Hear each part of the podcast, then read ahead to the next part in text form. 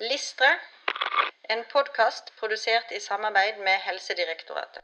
Alm 074 selvstendig kunne oppdage og agere på symptomer som tilsier behov for endret behandlingsplan, som medikamentjustering, henvisning videre eller innleggelse. Ja.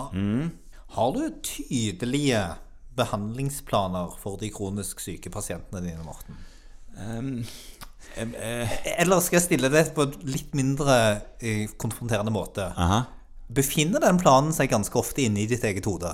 Ja, ja, ja da, det gjør han. Ja. Eh, det gjør han. Og når man drar det i gang på denne måten her, da, så vet jeg at i hvert fall for, for mange av oss, så er det sånn at den planen befinner seg inne i vårt eget hode.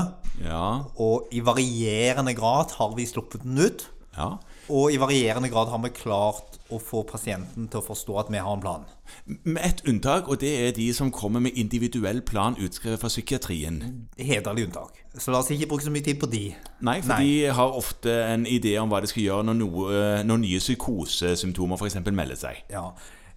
Jeg tenker at dette læringsmålet For det første så sier den noe helt vesentlig opplagt at dersom pasienten får en endring i tilstanden sin, så må du justere på den planen du hadde for behandling. Ja, Det høres selvsagt ut. Ja.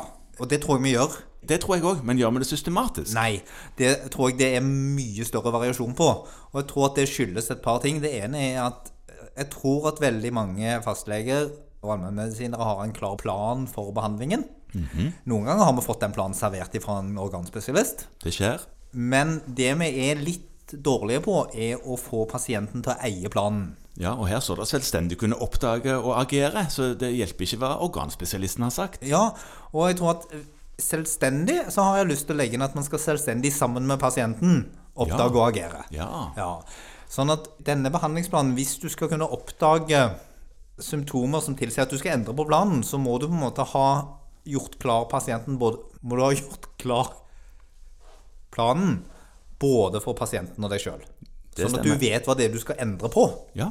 Og da må man altså bli litt flinkere eh, til å ha en god behandlingsplan. Så får vi håpe at dette læringsmålet gjør at våre nye spesialister i ny ordning har et mer avklart forhold til behandlingsplanen.